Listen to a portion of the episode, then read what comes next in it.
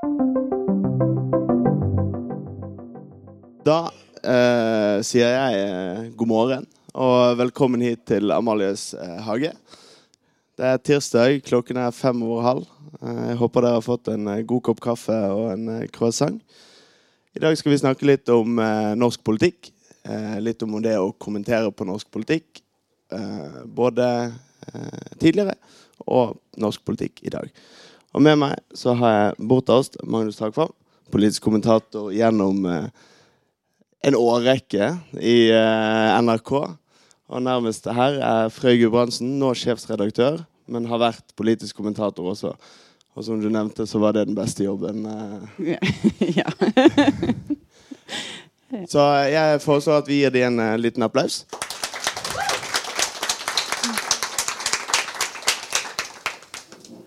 Og så har jo jeg lurt på, eh, når vi satte sammen dette møtet Det første spørsmålet er jo egentlig hva gjør egentlig en politisk kommentator? Magnus Takvam, hva har du gjort disse siste ti årene? prater og leser, kan du si. Det er jo eh, eh, Hvis du spør hvordan arbeidsdagen er, så er det jo eh, For det første er det en arbeidsdag eller en, et arbeidsår som svinger ganske mye eh, med intensitet i visse perioder. Veldig høy intensitet, ofte eh, døgnet rundt. Og så er det andre perioder der det er mer stille i den, den politiske eh, andedammen. Og da, da kan du ta det med ro, mer med ro, og liksom eh, lese litt av ting som er aktuelle. Prate med folk, prate med forskere. Prate med, så det, er, det, er, det, er, det er ikke én eh, liksom, eh, arbeidsdag som er lik den andre, da, selv om det er veldig mye felles. Og så har jeg helt spesielt den vil jeg si, fordelen at jeg ikke har vært sjef. Altså, det har også sine sider å ikke være sjef, men, men det betyr at jeg ikke har eh, personalansvar og administrativt ansvar, bare ansvar for meg sjøl. Uh, og det tror jeg er selvfølgelig et dilemma, fordi du er jo da prisgitt veldig ofte andres beslutninger om hva du bør prioritere på jobben, og hvilke saker som f.eks. Dagsrevyen er interessert i. Det er ikke alltid jeg er like interessert i de sakene som, som de, de, ber meg snakke om. at jeg heller ville hatt Men det er en, en pris du må uh, betale. Så jeg, jeg, føler nok at fordelen da ved ikke å ha den typen administrativ, byråkratisk uh, funksjon er, er, bra. Du kan reindyrke selve uh, den journalistiske delen av jobben. Mm. Du da, Frøy? Du har jo sluttet som politisk kommentator og gått over til å ha sjefsansvar. Ja, jeg er bare sjef, jeg nå. Faktisk. Ja. Eh, nei, det er jo, å være kommentator er jo, det er jo en utrolig gøy jobb. Jeg tror, og folk jobber, altså, i, kommentatorer jobber jo veldig ulikt. Og jeg tror noen legger større vekt på å snakke med, snakke med kilder og stadig kildepleie. Andre er kanskje mer på det å analyse, lese mer sånn tekst altså, uh, ja, Der er folk litt uh, ulike. Sånn som Du har jo vært veldig veldig tett på norsk politikk, norske mm. politikere. Sant? Andre er uh, som jobber med andre spesifikke felt, må kanskje bruke mer tid på å liksom, bare, bare, lese og oppdatere seg. Og, liksom, å, altså, hvis mm. man har et, et, mer et fagfelt. Da. Uh, og jeg tror Jeg har kanskje vært litt sånn midt mellom der. Men det som er uh, uh, Det er jo det, det, svinger veldig mye. Men det er det som er så Du må, liksom, leve i nyhetsbildet. Og det var faktisk det merka jeg veldig godt da jeg ble sjefredaktør. At, det, at det var faktisk lettere å ha fri, egentlig, på mange måter. At, eh, og det høres litt rart ut, men fordi jeg, kunne, jeg, jeg trengte ikke å vite hva de snakka om på Dagsnytt 18. Jeg trengte ikke eh, eh, Jeg kunne hoppe over, hoppe over Politisk kvarter. Og jeg, derfor Hvis du skal være politisk kommentator, du må, bare, du må jo elske, du må elske mm. politikk på en eller annen måte. Fordi eh, du må leve i det. Uh, men det er jo men det derre adrenalinet når det, når det, skjer ting. Og, på en måte, og mm. de gangene du en måte klarer å uh, Det er jo veldig sjelden som kommentator at man kommer med avsløringer. Eller, Men når du likevel klarer å komme med en vinkel, en analyse som er, liksom, som er basert på veldig gode kilder, som gjør at ja, vet ikke, Det er, det er en god følelse, da. Og, ja. Magnus? Ja, nei, det er jo altså, Det er mange forskjellige mm, skal vi si, eh, varianter av det å være kommentator. Det begrepet inneholder veldig mange ting. Eh, som du er inne på, så er den typiske NRK-kommentatoren eh, har en analytisk tilnærming og skal ikke være meningsbærende direkte, sånn som eh, ofte eh, aviskommentatorer skal være. Enten en liberal, kulturradikal, eh, eh revolusjonær eller hvilken plattform vedkommendes eh, eh, medie har. Så er det også det å være Noen er distanserte eh, kommentatorer og som på en måte har bare et sånt stort overblikk over verden og samfunnet, og som for å sitte på skrivebordet og analyserer. Og det, det er ikke i, i, ironisk forstand. Det kan være, du trenger også den typen intellektuelle, eh, godt orienterte, mer distanserte analytikere og kommentatorer i mediene, føler jeg. Og, mens vi da er avhengig av og jobb, Vi jobber jo veldig tett som du sier, på kildene, snakker med veldig mange personer de, så du blir en slags aktør eller deltaker i de politiske prosessene som er f.eks.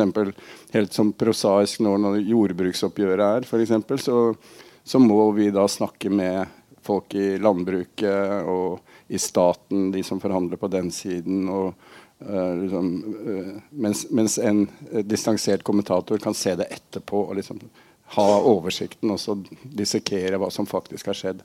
Så det er ulike roller. Mm. Nå kommer vi jo litt inn på det her med metoden for å uh, kommentere, og hvordan man går frem. Og, og, det jeg også har lurt litt på, er jo hvordan Altså Magnus hovedsakelig, da. Du har jo vært i, i uh, bransjen veldig mm. lenge. Hvordan det både metode, men også formidlingen har endret seg siden du begynte i, i NRK. da. Ja, altså Du kan si jeg begynte med skrivemaskin og endte opp med Snapchat, liksom. Så det eh, Det er jo eh, faktisk sånn, rett og slett. Eh, fra jeg begynte som journalist. Så det har vært, eh, det har vært en sånn mm, eksplosjon som har liksom tatt helt av fra 90-tallet særlig selvfølgelig og fram til nå, som jeg eh, ikke vet helt hvordan lander. Men det har jo Særlig dette som nå har skjedd med sosiale medier, føler jeg er, eh, er, har veldig mange også øh, vanskelige sider. Øh, selv om det er mye godt potensial i det å demokratisere tilgangen på medier på den måten. Så føler jeg særlig for unge, altså yngre generasjoner, det å liksom øh, ta for gitt at synet på demokrati og deltakelse er, er, er, vunnet en gang for alle, er langt fra eh, faktum. Og mange av de unge som i dag bruker sosiale medier, får jo TikTok og sånn impulser fra helt andre samfunnsforhold enn det vi har, og syn på verdier og ja, rasisme, likestilling, som jeg hører i konversasjonen mellom ungdommer, er, som du ikke skjønner hvor kommer fra. Ergo så, så er, er, er, det mange sider ved, ved den medieeksplosjonen som er eh, både interessante og, og viktige å være klar over. Og så er det selvfølgelig også arbeidssituasjonen som det har ført til, er, er jo endret. Alt skal være på direkten, det skal være autentisk, det skal være til stede. Eh, og rapportere, ofte inntil parodien. Altså at bare det at det har en egenverdi å være der ting skjer, uten at det skjer så mye, egentlig. Ikke sant? Så, så der er mediebedriftene går ofte litt i fella og går veldig fort i en retning og overdriver. Så jeg føler nok at den medieeksplosjonen har uh, både endret arbeidshverdagen uh, og journalistikken på bekostning av dybde. Altså at det blir mer volum og bredde og litt for lite dybde. Hvilken rolle har eh, Du har jo en kommentatoravdeling i mm. Eh, BT også. Hvilken rolle har Altså hvilken verdi har kommentaren da, i en sånn ny mediehverdag? Uh, en ting som er interessant, er jo at det, kommentatorens uh, måte, død har jo blitt spådd flere ganger. At nå er det bare Kjetil Rollnes og den slags som, at, de, at, det er det som uh, Nå har ikke aviskommentatorene noen rolle lenger, og det har vi jo sett at det, sånn er det jo ikke. Og at, og at det, men man får jo en annen eh, får en slags konkurranse, men det er bare veldig annerledes. Men det som jeg syns er eh, Det som er eh, veldig bra med uh, at, at, så mange norske medier har uh, kommentatorer, er at de er reelt uavhengige. Altså Man representerer ingen. Kan, I Bergens Tidende så er det sånn at altså, lederne våre altså Vi har jo et, en liberal uh, formålsparagraf i Bergens Tidende, men kommentatoren er fri. Uh, og klart, Redaktøren altså, vil jo ha meninger, og, og hvis, en, hvis, en, tekst er for dårlig, er for drøy, altså, så, så, vil man jo ikke publisere, publisere det. ikke? Men med utgangspunktet så er meningen til kommentatoren fri. Og det, uh, det som vi merker når man får inn leserinnlegg og debattinnlegg, så nesten alle som vi får inn innlegg fra, sånn uoppfordra, det er jo folk som representerer noen, en organisasjon, et parti, et eller annet. Aviskommentatoren er eh, representerer eh, på en måte ingen andre enn akkurat eh, seg sjøl. Og den uavhengige posisjonen den er ganske eh, unik. Og den er ikke, det er jo ikke nødvendigvis lett å, for, altså, å, å, å, forbli uavhengig. Det er jo, man kan jo, Jeg vet ikke om du har følt på men man blir jo liksom dratt i mm. retninger. og man, liksom, man, Det å bare skulle gjøre seg opp sin egen mening sjøl, eller en, en, en, uavhengig mm. analyse, det er jo, det er jo ikke nødvendigvis lett. da. Mm. Men det er det som er oppdraget, og det mener jeg at det er veldig viktig å uh, ta vare på. Ja, nei, jeg, uh, Det er jo en illusjon å, å, tro at man kan være nøytral og objektiv. Altså det, mm. det skjønner alle. Men det som er eh, logikken min, er at man skal ha en intensjon om å være det. Man skal, man skal prøve å gå inn for det og ha det som en som en ryggmargsrefleks så godt man kan.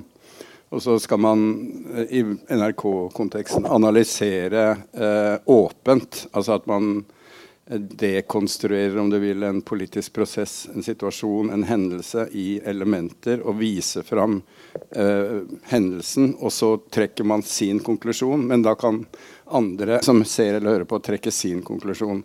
Sånn at du ikke bare eh, hopper til konklusjonen og har sterke meninger og, og, og, bombastiske på en måte morsomme, sensasjonelle vurderinger. Men det, det, gjelder å ha en metode, en tilnærming, når man analyserer, som, som hjelper deg som et verktøy. Da, og, og, det er du avhengig av, føler jeg, i hvert fall i en sånn type uh, veldig der, der, alle ser deg, og hele altså, du, du, du, får jo høre, høre, det hvis du blir oppfatta som uh, drøyt usaklig, selvfølgelig. Så det vil vi helst ikke. hvis vi skal bevege oss litt over på uh, å, å, snakke om, om politikk, så uh, har jeg litt lyst til at vi skal begynne med noen av de litt større trendene vi har sett. Og, og hvis du ser eh, valgresultatet for stortingsvalget i 1981, så er den samlede oppslutningen for Arbeiderpartiet og Høyre den er på så å si 70% totalt. Stortingsvalget i fjor endte på vel 46 til de to partiene samlet. Så hvis vi begynner med deg, Magnus. Hva, hva har skjedd med disse store styringspartiene vi en gang hadde i Norge? Nei, Det er jo et politisk landskap som er mer fragmentert, selvfølgelig. Det er jo den første konklusjonen. Og det er jo felles i de fleste si, europeiske og vestlige land. Og det henger jo sammen med samfunnsutviklingen, selvfølgelig. Altså at i historisk sammenheng så har jo Arbeiderpartiet vært det store statsbærende partiet i Norge bygd opp i industrisamfunnet med store kollektive arbeidsplasser der fagforeninger var, var um, viktige aktører. Um, mens samfunnet har da gått i mer tjenesteyting-retning. Så, så det henger jo sammen med det at du har ikke disse kollektive sammenslutningene som gjør det naturlig å ha tanke om et felles prosjekt på samme måte. Um, og så kan man diskutere hvor stor er egentlig endringen. Gro, altså Gro Harlem Brundtland for eksempel, sier at det er kanskje litt for å trøste seg selv når Arbeiderpartiet blir, blir såpass desimert, at egentlig er jo, er jo, det som har skjedd, mener hun husker jeg hun sa, at eh, Arbeiderpartiet er det samme som før. Det er bare delt seg på litt flere partier. Sånn at eh, eh, de som tidligere kanskje var i Arbeiderpartiet, noen av de har gått til SV, noen har gått til MDG, noen har gått til Rødt. Så de er egentlig sosialdemokrater alle sammen. Men eh, det er selvfølgelig ikke Det er litt for enkelt. Så jeg tror nok det også henger sammen med at når enkeltsaker som uh, er viktige, uh, sånn som kli, særlig klima- og miljøspørsmålet, tror jeg, kommer på spissen, slik det har gjort nå, så holder det ikke lenger, sånn som Arbeiderpartiet har hatt, å ha en sånn bred konsensus om et så uh, konfliktfylt tema. Altså Partiet må ta tydeligere stilling, og de som ikke er fornøyd med med den balansegangen Arbeiderpartiet f.eks. gjør i den saken, går da naturlig over til mer grønne partier. Så det er no noe av det som har skjedd. Mm. Nei, det, det er jo eh, det er jo riktig, det er Arbeiderpartiet først og fremst som har skjedd. Da. Altså Høyres oppslutning har jo, den har jo mm. historisk ikke vært så, så høy, så de er, har vel vært på omtrent sånn all time high sånn nylig. Sånn at det er jo først og fremst Arbeiderpartiets uh, ja, fall og fall. De sitter jo i regjering og mm. statsminister, så de har jo ikke falt så langt. Men, men, det er jo det som er den store endringen. Men det, men det er klart det det at um, Arbeiderpartiet ikke er så stort og så dominerende som det var, uh, altså det, det, påvirker jo åpenbart den politiske debatten. fordi at det, det, er mindre som skjer internt i partiet, og mer som skjer uh, åpent. Og det jeg vet ikke, men det, det, kan jo også forsterke den der fragmenteringen. Det er bare at du har så mange partier å velge mellom. Det kan jo være en sånn selvforsterkende effekt da, som ikke nødvendigvis er, er bare bra. Samtidig som uh, det er jo noe veldig bra med at beslutninger i mindre grad kanskje blir tatt i lukka rom på seint på natta på Arbeiderpartiets landsmøter, mm. men heller i, eh, i åp altså, mer åpenhet. Da. For det vil jo være mer åpenhet når enigheten må komme mellom partier, og ikke mellom fraksjoner i partiet. Mm. Men det er veldig, det er veldig gøy sånn, på landsmøter nattestid å prøve å liksom, følge beslutningsprosesser som foregår litt sånn ja, ja det er jo ikke Det er fascinerende, men ikke nødvendigvis ideelt. Nei, eh, det er klart det er, det henger, det er mange ting som, som, går inn i det svaret på hvorfor det er blitt så fragmentert. Én ting er også tilliten til politikerne. Altså Etterkrigsgenerasjonen, liksom de, de, politiske lederne i Arbeiderpartiet, hadde, hadde kom fra fangeleirer under krigen og liksom du visste at det var mennesker som, hadde, som, som, off, som var villige til å ofre livet for, for, noe de trodde på. Det var liksom eh, en generasjon av eh, politikere som automatisk fikk tillit. Mens politikerrollen er jo blitt sant, profesjonalisert på godt og vondt. Sånn at eh når eh, yngre rådgivere går inn i polit det politiske miljøet uh, fra ulike hold, så blir de helt like til slutt. Mm. Litt sånn satt på spissen. De tenker likt og forholder seg, har de, har de samme referanserammene. Sånn at det, uh, og Da er det klart at det er vanskeligere for velgere å liksom, gjøre tydelige valg, da, rett og slett. Mm. En annen ting som har satt sine spor i løpet av Eh, din tid, men som, som, eh, som, også er gjeldende i dag, er jo eh, internasjonaliseringen. Og det, det, slo meg jo at eh, du, Frøy, du stemte heller ikke ved EF-valget i, i, i, 94. Eh, og, og, nå kommer jo det murringer i flere partier, alt fra SV til Høyre, som nå vel har bestemt seg, så vidt jeg eh, har fått med meg. Hvor, hvordan ligger vi an, og hvordan har vi eh, ligget an? Du var vel eh, aktiv, ikke i 94, men i 96? Ja, nei, så jeg, var, jeg husker jo faktisk den der, eh, det, En eller annen grunn hadde jeg klart å komme meg inn på det som het backyard pub eh, på den, i 1994. Jeg er født i 1978, så jeg var jo ikke 18 eh, da. Eh, men Nei, jeg var aktiv da. Og jeg, det må bare si at jeg, jeg, er snart 44 år, og jeg tenker at vi er ganske mange som ikke har fått være med å bestemme Norges forhold til EU. Så jeg tenker at uh, det er ikke noe urimelig i at det på et tidspunkt at man tar en runde til på det. Akkurat, altså, kanskje vi skal ta det litt rolig og uh, la denne krigen ja, altså, jeg trenger ikke å ta det akkurat nå. men jeg, det, er et eller annet Det plager meg litt at det er en slags sånn herre For det var så opprivende og så traumatisk for så mange. Og det var så ja, det, var, det, det splitta jo både bygder og familier og alt mulig rart, disse EU-avstemningene. Sånn at, men den der, at man, dette kan vi ikke ta i. Dette, vi, vi, kan ikke, vi, kan ikke, utsette oss sjøl for dette en gang til. Vi har tatt en beslutning, og den skal vel, gjelde for evig. alltid. Det synes jeg er et eller annet veldig urettferdig i det. For altså, alle som er under 46, er det ikke det? Uh, har ikke vært med å bestemme. Mm. Men du, du, du fikk ja, ja. ja, nei eh, Jeg har vel vært personlig på vinnerlaget, for å være sånn, da, i, den, i den sammenheng. Og det er klart, det er jo, alle har sin historie og bakgrunn. Jeg var jo av dem som var eh, 70-tallsradikaler og SUF og alt dette her. Og, og, jeg var jo faktisk med i ledelsen av det som het Arbeiderkomiteen mot EEC og dyrtid. Det var jo to nei-bevegelser i den første EU-kampen. Nei til salg av altså, det, det, er jo ikke alltid når jeg tenker tilbake på det, som jeg liksom er helt eh, liksom, Syns jeg er veldig stolt over I, I, analysen den gangen. Men sånn var det bare. Så det er jo litt mer sånn morsomt å tenke tilbake på.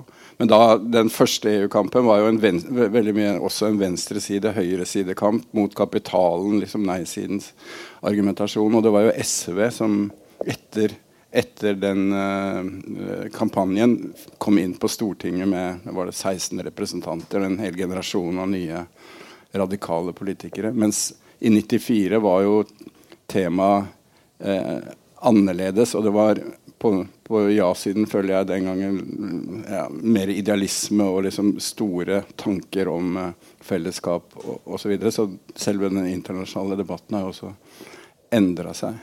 Men jeg er enig i at i etter det som nå skjer i Europa med krigen i Ukraina, så er det et veldig stort spørsmålstegn hva skjer etter det. Og det svaret altså både i forhold til sikkerhetspolitikk, geopolitikk Vi skal gjøre oss uh, Europa uavhengig av energi, gass, olje fra Russland. Hva, hva gjør det med den, det fortsatte uh, Hvordan blir konfliktnivået med en så stor nasjon etterpå? Alt dette er oppe i, i, uh, i boksen uten at vi vet hvor det lander. Så det er både skummelt og veldig ja, interessant, selvfølgelig. Hmm. Ja, altså det, det som altså, Når nå antageligvis på veldig kort tid eh, Finland og Sverige går, kommer til å gå inn i Nato altså det, det, er jo en sånn Det er også en, en, debatt i de landene som har ligget eh, ganske altså Ikke helt død, men som har vært Det har vært eh, eh standpunktet er liksom ligget fast, da, deres posisjon der. Og bare plutselig i løpet av noen uker så, så kaster de seg inn og skal bli medlem av Nato. Det er jo bare det sier litt om hvor hvor mye det endrer situasjonen i Europa, det som skjer i, uh, skjer i Ukraina. Og, og i forbindelse med det grønne skiftet. Og, altså, en, energiomstillingen var jo dramatisk. Altså, vi mm. visste at den ville være dramatisk før krigen i Ukraina. Uh, og med det som har skjedd der, så, så får du ikke bare klima, altså klimaspørsmål, men også sikkerhetsspørsmål inn i det. Så det er, jo, det er jo enormt mye som skal skje bare på enda mm. kortere tid antagelig. Mm. Eh, hvordan kommer det til å spille seg ut? Eh, og Norges rolle i det, etter hvert som kanskje flere land i Europa begynner å gjøre seg mer energiuavhengige pga. fornybar energi. Altså De der problemstillingene mm. som vi nå bare står, står overfor, de, eh, altså bildet, eh, det, det, endres mye, da. Så, så, jeg tror også i Norge så er det nødt til å være eh, Vi må også stille oss spørsmål om liksom våre eh, ja, hvordan skal vi eh, i det store hele forholde oss til alt dette? da?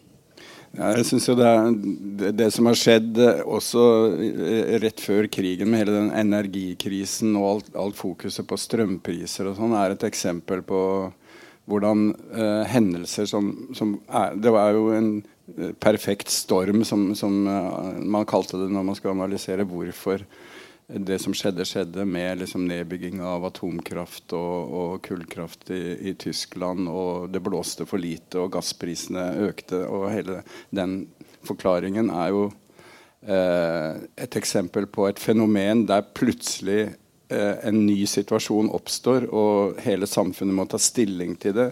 Kunnskapsnivået om de tingene er, er veldig lav. ikke sant? Og alle typer eksperter dukker opp og gir sine, sine eh, svar på eh, fenomenet ut fra sin egen interesse ofte. sånn at det er et eksempel på at uh, ting endrer seg fort, og du må ta stilling til det. Og det kommer jo til å bli Det er jo det grunnleggende for all uh, samfunnsutvikling er jo å ha energi. ikke sant? Mm. Å ha det som et, en, en basis. Jeg tror det spørsmålet uansett kommer til å dominere politikk og prioriteringer framover. Her i mm. vest så er det jo en del uh, i næringslivet særlig som har prøvd å si fra ganske lenge om sånn, vi har ikke nok energi til uh, industriutvikling, vi har ikke nok strøm vi har ikke nok strøm til å få til det grønne skiftet. Vi, må, liksom, vi trenger å produsere mer strøm. Og mm. de prøvde å ha sagt eh, veldig veldig lenge. og det har liksom ikke, har ikke vært så innmari stor interesse for å høre. Og, det, mm. ja.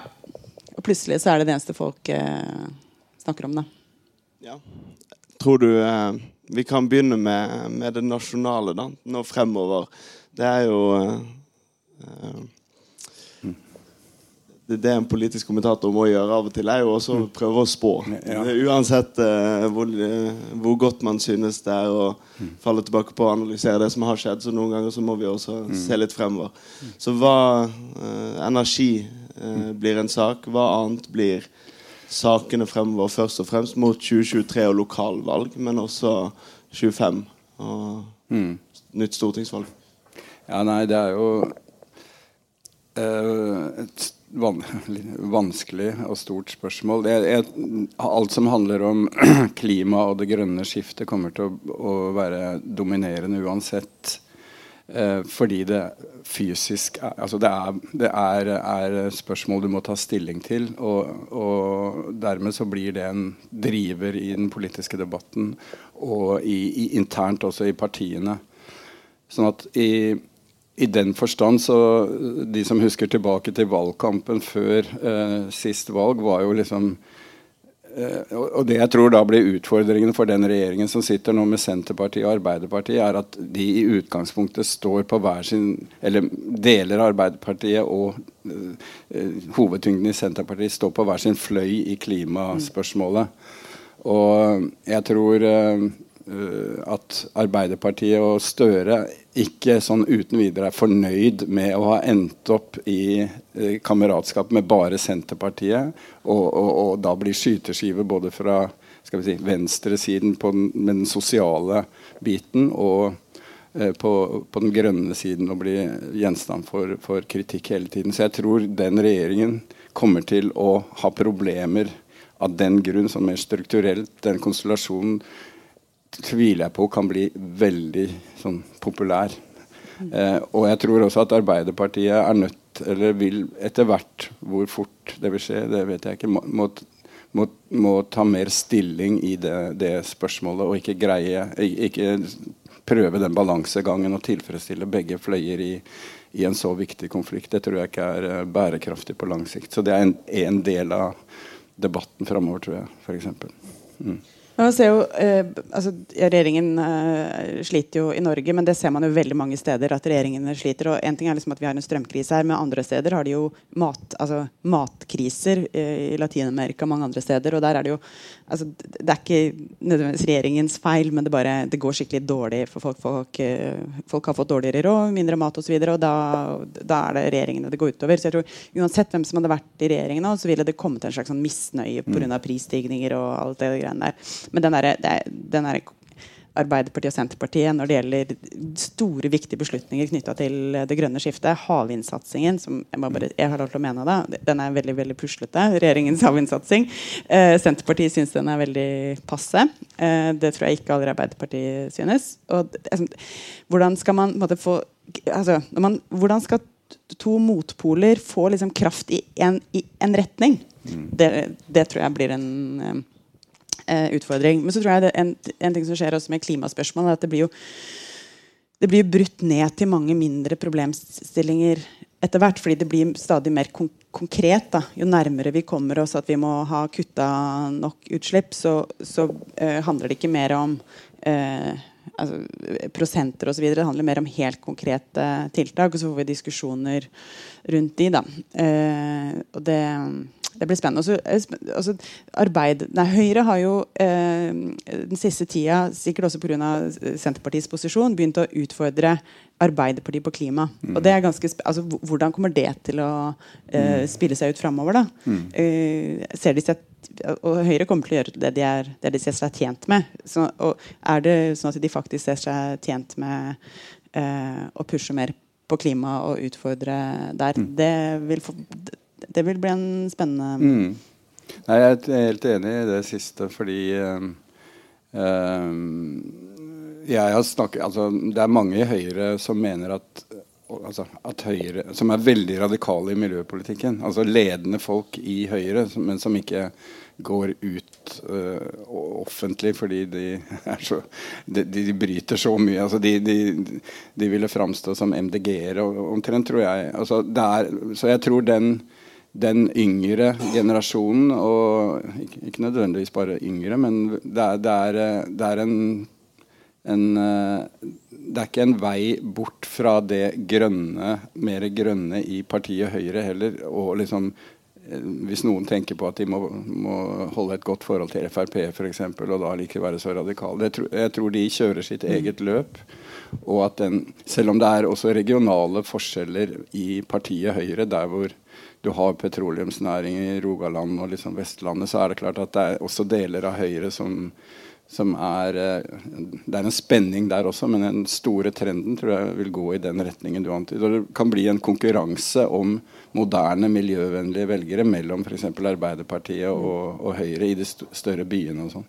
Og det tror jeg det bidrar til å øke det presset om å ta stilling, som jeg var inne på, som Arbeiderpartiet blir nødt til å gjøre. da. Mm. Og i spørsmål knytta til eh, kraftkabler, eh, både havvind og annen vindkraft, så jo, kan jo Høyre posisjonere seg mer sånn, eh, som, eh, mer sånn på den mer internasjonale linja. Da, mens eh, Arbeiderpartiet får ikke tatt den posisjonen fordi Senterpartiet blokkerer. Så det, det, åpner seg jo et rom der eh, i, i, energidebatten også. Da. Mm. Um, ja. Og når det kommer til lokalpolitikken, så har du jo hatt Eh, i Oslo, bl.a. Eh, flere på høyresiden som har gått inn for å samarbeide med Miljøpartiet og, og mer den delen av det politiske landskapet. Mm. Så, så, hvis du ser på lokalpolitikken gjerne i, i Bergen, da, for å begynne her, mm. hvordan ser du utviklingen? Bergen er jo en by med tradisjoner for å ja, aldri helt bestemme seg for hvor man vil. Ja, altså, eh, altså Apropos sånn moderne medievirkelighet, så var jo forrige lokalvalg i Bergen et, et ganske interessant. En, det kom et, og det er jo, mener jeg i ganske stor grad er drevet av den dynamikken du kan få opp i sosiale medier. Da eh, Folkeaksjonen mot bompenger eh, eh, i løpet av ekstremt kort tid gikk fra ingen oppslutning til eh, 17 eh, og, og klarte å time det veldig det var ikke bevisst tima, da, men det, de nådde liksom høydepunkt omtrent eh, da det var valg, og bare boom, rett i bakken hele tiden siden. Og det er sånn sånn veldig altså Senterpartiet har jo til dels opplevd men det at du kan få disse kortsiktig, veldig raske, rask vekst i oppslutningen til partier, lister den slags, det er et litt sånn litt nytt uh, fenomen fordi det er uh, altså, drevet av uh, det engasjementet som skapes på sosiale medier, heller enn sånn langsiktige, underliggende drivere. Da, som, stemmer, man stemmer jo ikke hva stemmer ikke lenger det samme som faren din. Stemmer, liksom, det er jo andre ting som bestemmer. og det, den derre på den ustabiliteten da, som uh, man har sett i Bergen, uh, i det, polit det, politiske Bergen, den gjør jo at det blir jo ekstremt vanskelig å spå hva som skjer. Men jeg håper jo at uh, sånn uavhengig av Jeg håper at det blir et mer funksjonelt bystyre, rett og slett. For det er, veld, det er, en krevende situasjon når det er så mange uavhengige. fordi akkurat sånn som noen forutså, så har jo de som ble valgt inn for Folkeaksjonen, de ble jo, de har jo meldt seg ut og spredd seg. Og jeg, jeg, jeg, jeg, har ikke oversikt over hvor mange per i dag som er medlem, for jeg er ikke politisk kommentator lenger. Men, men det, der, det, er ikke en eh, Samme hva man mener om bompenger, så er det en ikke, ikke, en heldig situasjon sånn som det er nå, og veldig lite styringsdyktig. Eh, ja. Ja, det er jo eh, Selvfølgelig lokalpolitikken har en helt annen dynamikk enn eh, nasjonalpolitikk. Og du kan jo se eh, eksempler på for temaet rusreform, som uh, har blitt uh, satt på dagsorden nå lokalt, både i Oslo og etter hvert i Bergen også, så vidt jeg skjønner. ikke sant? Der, der um, Høyre gikk først, eh, og Bent Høie, i å, å, avkriminalisere rus, som sikkert alle her eh, er klar over. Eh, så tapte den delen av Arbeiderpartiet. Og det var jo aktive Marte Mjøs Persen bl.a. var jo en av de mest eh, ledende for å få et vedtak på Arbeiderpartiets landsmøte som, som da ble stoppet av eh, skal vi si, Distriktsarbeiderpartiet. Eh, eh, men nå overtar kupper på en måte lokalpolitikerne i de store byene tema. Så det er jo en interessant mm. Sånn, refleksjon om forskjellen på lokal og, nasjonal politikk. Da. Det er jo den gode, gamle by-land. Eh, så kommer det til å være noe i lokalvalget også. Altså, vi, vi, vi, var jo kanskje litt inne på det med, med forskjellen på miljøpolitikken til Arbeiderpartiet og, og, og, Høyre. Og hvorvidt det vil spille inn i, inn i uh, lokalvalgkampen. Ja, det finnes altså, jo reguleringsplaner i enhver kommune. Ja, og det er klart mye av klimapolitikken altså Mye av det skjer jo lokalt, og det er fortsatt problemstillinger knytta til parkering og bompengespørsmålet vil jo alltid være der. ikke sant? Nå er det, el, elbilene som skal få, få bompenger. Eh, så det vil jo alltid være den type eh, Det vil være den type konfliktsaker eh, eh lokalt. Alt, alltid, da. Men jeg, jeg syns det er veldig vanskelig å si akkurat nå hva som blir den store store saken uh, neste år. Altså. Men det som er uh, hvis, altså, Høyre er jo veldig gira på å ta tilbake makta. Uh, og hvem skal altså, du, De trenger jo støtte fra noen, da. Og det kan fort være Venstre, kanskje MDG. Kanskje, og, og, hvordan skal du da få med Frp? Altså, Arbeiderpartiet er jo også en liksom samme situasjon. Det er den der fragmenteringen som du ser nasjonalt. den er en um, i et sånt skal vi si, ganske konfliktfylt altså Bergen er jo det er gøy at det er engasjement og meningsbrytning og høy temperatur. og det der, Men det er også ganske sånn, konfliktfylt innenfor en del pro problemstillinger. Da. Og fragmentert og konfliktfylt, det er litt sånn krevende kombinasjon. altså. Jeg tror jo eh, i lokalvalget helt konkret så vil jo de nasjonale trendene altså på den måten, de vil også smitte over lokalt. ikke sant? Sånn at uh, Mye tyder jo på at Høyre, uh, gitt den regjeringen vi har nå, kommer til å holde seg relativt høyt på meningsmålingene mm. uh, nasjonalt. Og at det smitter over også på valgresultatet i de større byene, sånn som ja, både Oslo og Bergen. Og der i Oslo skal det en del til å få et maktskifte. Eh, men sånn som meningsmålingene ser ut nå, så, så, så kan det bli det der også. Eh, at man ikke da er avhengig av eh, Frp, f.eks. Så, og så tror jeg også selvfølgelig Senterpartiet kommer til å gjøre et mye dårligere valg. Eh, de gjorde jo et godt valg også i lokalvalget sist. Så mm, selv om ikke det var så viktig i, i de større byene, så så det vil, kartet tror jeg vil bli snudd litt opp ned. Mm. mm. Rett og slett. Da tenker jeg vi skal åpne for uh, litt spørsmål. Jeg hang meg litt opp uh, i det som ble sagt om å være der det skjer. Men så er det ikke nødvendigvis alltid noe som skjer. Um, men stort sett så er det et eller annet. Um, jeg bare lurer på om verden har blitt mer intens, eller om det bare er mediebildet som har blitt mer intenst. Um, hvordan skal vi som følger med på nyhetene, skille mellom hva som er store nyheter og små nyheter, når det virker som om uh, Når inntrykket, inntrykket fort blir at alt er veldig viktig hele tiden. Da må du høre på kommentatorene, da. Nei, altså jeg skjønner spørsmålet, og eh, en måte å svare på er jo at eh, er ting eh, Er det mer viktig som skjer nå enn det som var tilfellet før? så tror jeg det er både og. Jeg, jeg tror det er Tage Erlander, den gamle svenske sosialdemokraten, sa noe om at Eller hans dagbøker, rett og slett, viser jo at det var knallharde stygge interne maktkamper i f.eks. det svenske sosialdemokratiet, som han skrev om, men det ble aldri kjent.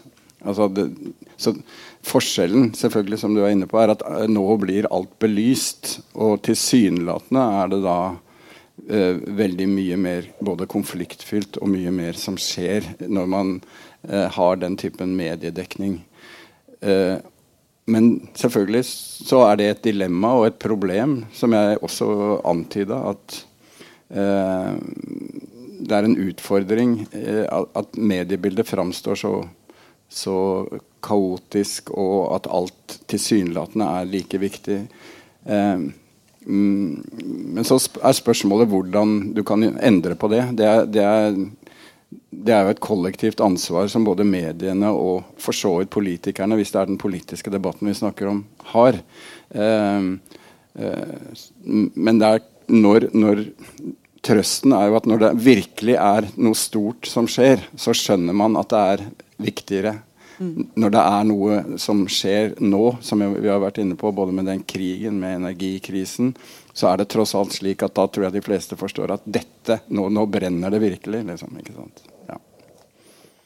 Men det er, jo, det er jo godt kjent for oss egentlig at det er mange som opplever det akkurat sånn. Da, at det er vanskelig å navigere. Eh, Eh, hva, er det, hva, er dagens viktigste nyheter? Når på en eh, nettaviser så er det jo liksom Det er jo alt altså Det som er dagens viktige liksom så øverst på nettsiden, altså det skiftes jo mange ganger i løpet av en dag, kanskje. ikke sant? Hvordan skal du egentlig finne ut hva som egentlig er viktig akkurat eh, det viktigste akkurat nå? Da.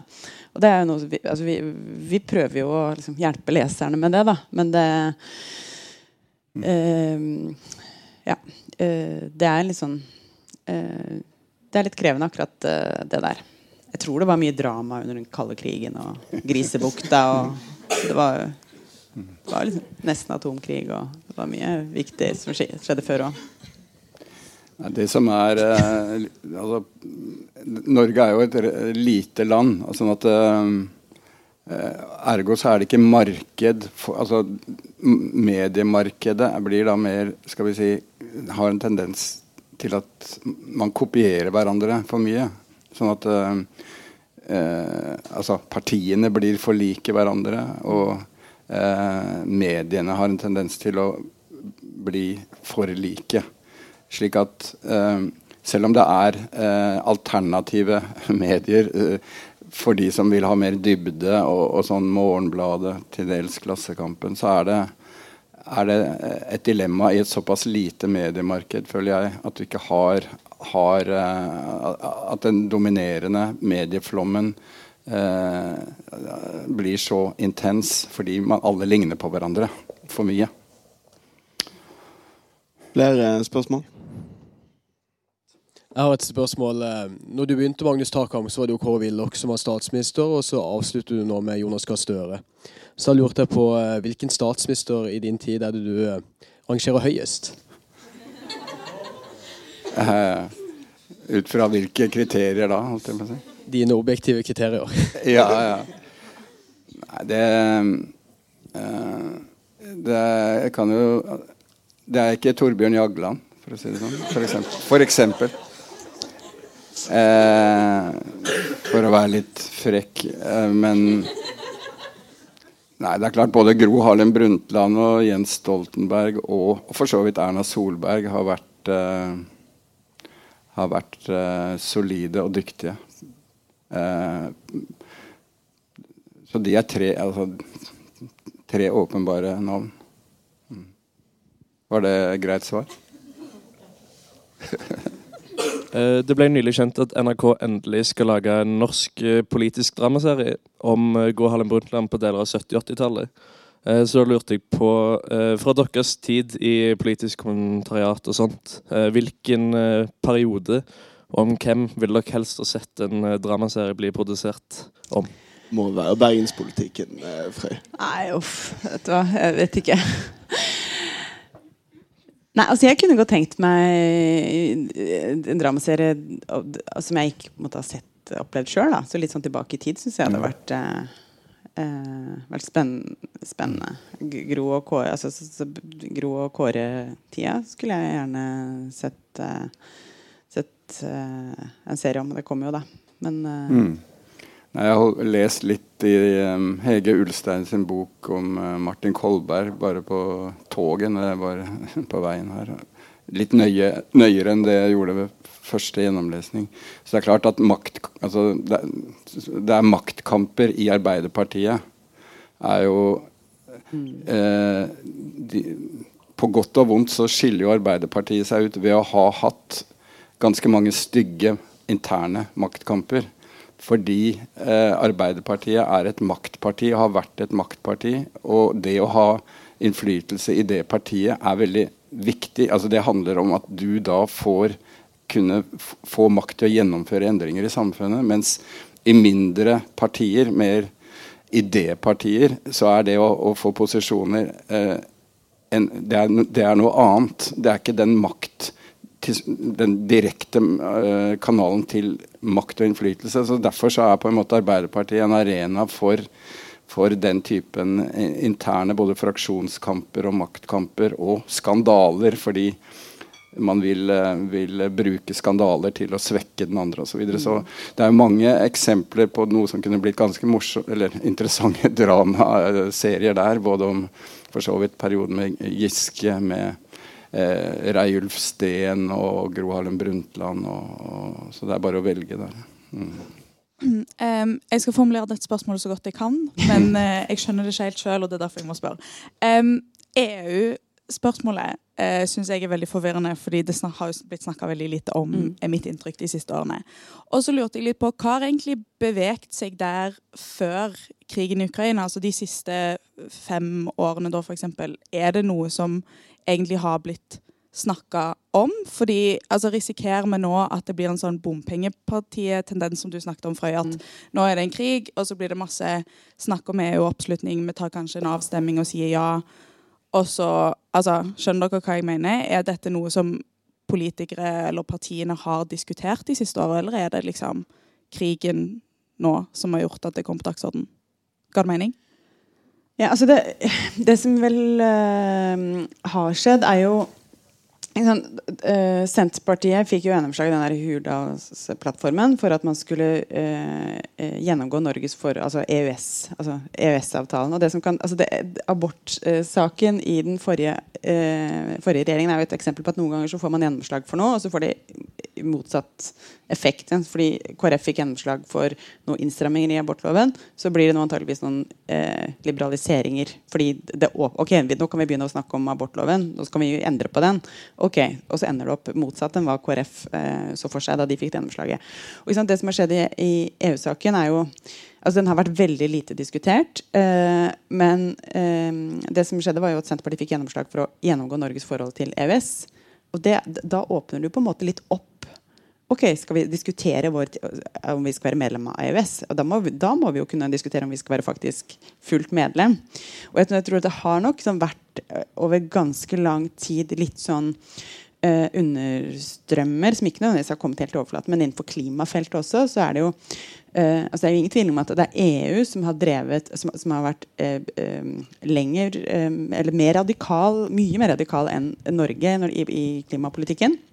Og Det har jo gjort at, at både i MDG og også i og SV, som du nevnte, også, at det er enkeltgrupperinger selv der som er veldig altså, som stiller spørsmål ved EU. da, Og nye generasjoner som ikke har den der, ikke er låst fast i det samme. Og så tror jeg også at det er en i, blant norske politikere en frykt for hvordan hvis man åpner denne boksen, hva, i, altså, hva kommer til å skje? Det, på hvilken måte det kan, kan virkelig gå alle retninger. Eh, og jeg tror man tenker seg nøye om før man legger et løp for å faktisk gjennomføre en ny Mm. folkeavstemning. Det var jo eh, rett før eh, utvidelsen av EU i 2005, altså i de årene i forkant, så var det jo faktisk en eh, gryende Da var det på et tidspunkt spekulasjoner og trender i opinionen som var positive til EU. Det var en slags sånn optimisme eh, i, eh, blant EU-tilhengere om den kommende utvidelsen med østeuropeiske land. Så det var jo eh, på en måte i, i forspillet til den rød-grønne regjeringen i 2005 så var jo det høyt oppe på dagsordenen og, og ble sett på som et dilemma for et potensielt rød-grønt samarbeid i og med Senterpartiet og SVs klare nei-standpunkt. Men som alle har fått med seg, så forsvant jo med etter hvert eh, krisen, eh, finanskrisen og liksom legitimiteten til EU-samarbeidet sank jo med gode grunner, kanskje, som en stein. Og dermed så tror jeg veldig mange oppfattet i mange år at det, Norge kommer aldri, kommer aldri til å, å, bli aktuelt noen gang. At Norge søker medlemskap en gang til. Men så, som, så tror jeg at det som nå skjer, det er nettopp derfor det er et såpass stort spørsmålstegn. med At det, får en helt annen plattform å diskutere den typen internasjonalt samarbeid på når verden ser ut som den gjør nå. og uh, Helt konkret så tror jeg, heller ikke jeg at det er lett å se for seg en veldig rask medlemskapsdebatt i Norge. Jeg tror det, det vil måtte ta en god del år før eh, det du får en tilspisset debatt om skal vi gå inn eller ikke. Så de som er tilhengere av det, tror jeg vil gjør klokt i å ikke rushe, liksom, det med en gang. For da får du disse polariserte debattene som kan avspore tror jeg, mye av en ordentlig, reell uh, debatt om temaet. Mm. Uh, jo, jeg bare lurte på, Er det en sak innenfor norsk politikk som dere tenker sånn Den var det ekstra spennende å følge med på og kommentere og dekke? Altså, jeg, jeg, altså ikke en sak, men jeg syns uh, veivalget til KrF syns jeg var veldig spennende. uh, altså sånn spillteoretisk og, og, og, og, det kunne jo Det var jo et uh, Det er et lite parti og en diskusjon altså, og et, et, parti som er splitta helt på midten. Og det valget kunne, ville påvirke hvem som satt i regjering. Så det var sånn så masse som var komprimert inn i den debatten. Og nei, det syns jeg var Det synes jeg var utrolig sånn faglig spennende. Og så endte det jo liksom med Var det to stemmers overvekt? Ja, ja. Ja, det var en som ble sjuk på landsmøtet, som var rød. Og da gikk det den andre veien. Nei. Nei, for jeg for min del altså det, Jeg vil si det var mye i uh, etterspillet etter uh, murens fall, da, for å gå litt lenger tilbake. Bl.a. det som, som hendte i forbindelse med Lund-kommisjonen og oppgjøret med den kalde krigens overvåkningssamfunn i Norge. Og, det, det var en det var interessant å følge med på. Og mm. hele den prosessen som førte til Furre-saken med, med overvåkingssjefer som måtte gå og, og eh, Ja, det var eh, på en måte et etterspill etter murens fall der eh, de som hadde gjort eh, feilaktig overvåking av radikale mennesker eh, måtte si unnskyld på en måte til dem. Mm. Og at vi fikk et nasjonalt kompromiss om det. Og, og, i hvert fall forsøksvis la den konflikten i samfunnet bak, bak oss. Da. Det syns jeg var interessant å, å, å observere. Da. For det der, var, det der, er jo sikkert historier som bør fortelles igjen. For ja. det var jo eh Altså, på universitetet så jo, var jo flere kontorer der som var overvåka av radikale professorer. og For alt jeg vet kan enkelt, altså for, Noe av det kan kanskje vært berettiga. Hva vet jeg. Det var ganske radikalt, eh, noe av det som skjedde på venstresida. Men mye av det var jo åpenbart ikke godt uh, begrunna. Jeg tror jeg vi kan si. Uh, ja. En anekdo, eller litt sånn anekdotisk der er jo at Kåre Willoch, som jo ble skal vi si, en radikaler på, når han mistet maktposisjon mm. på mange måter eh, var også kritisk til det som skjedde, bortsett fra den lille perioden da han var statsminister. For da ble sufferne overvåket, og det var det all mulig grunn til. Sånn at eh, akkurat i hans eh, maktperiode så, så, var det liksom greit. Det var litt morsomt. Det var litt typisk Willoch. Men det er NRK har en veldig god podkast ut, den hele historien om uh, eh, AKP-ML. Mm. Den er veldig, at, altså, hvor radikalt altså, Der får du innblikk i både hvor radikalt deler av venstresiden var, men også hvor uh, ja, hvor drøy reaksjonene ja. på det også var. Da. Så det er masse av den historien som jeg ikke opplevde, men som er utrolig spennende.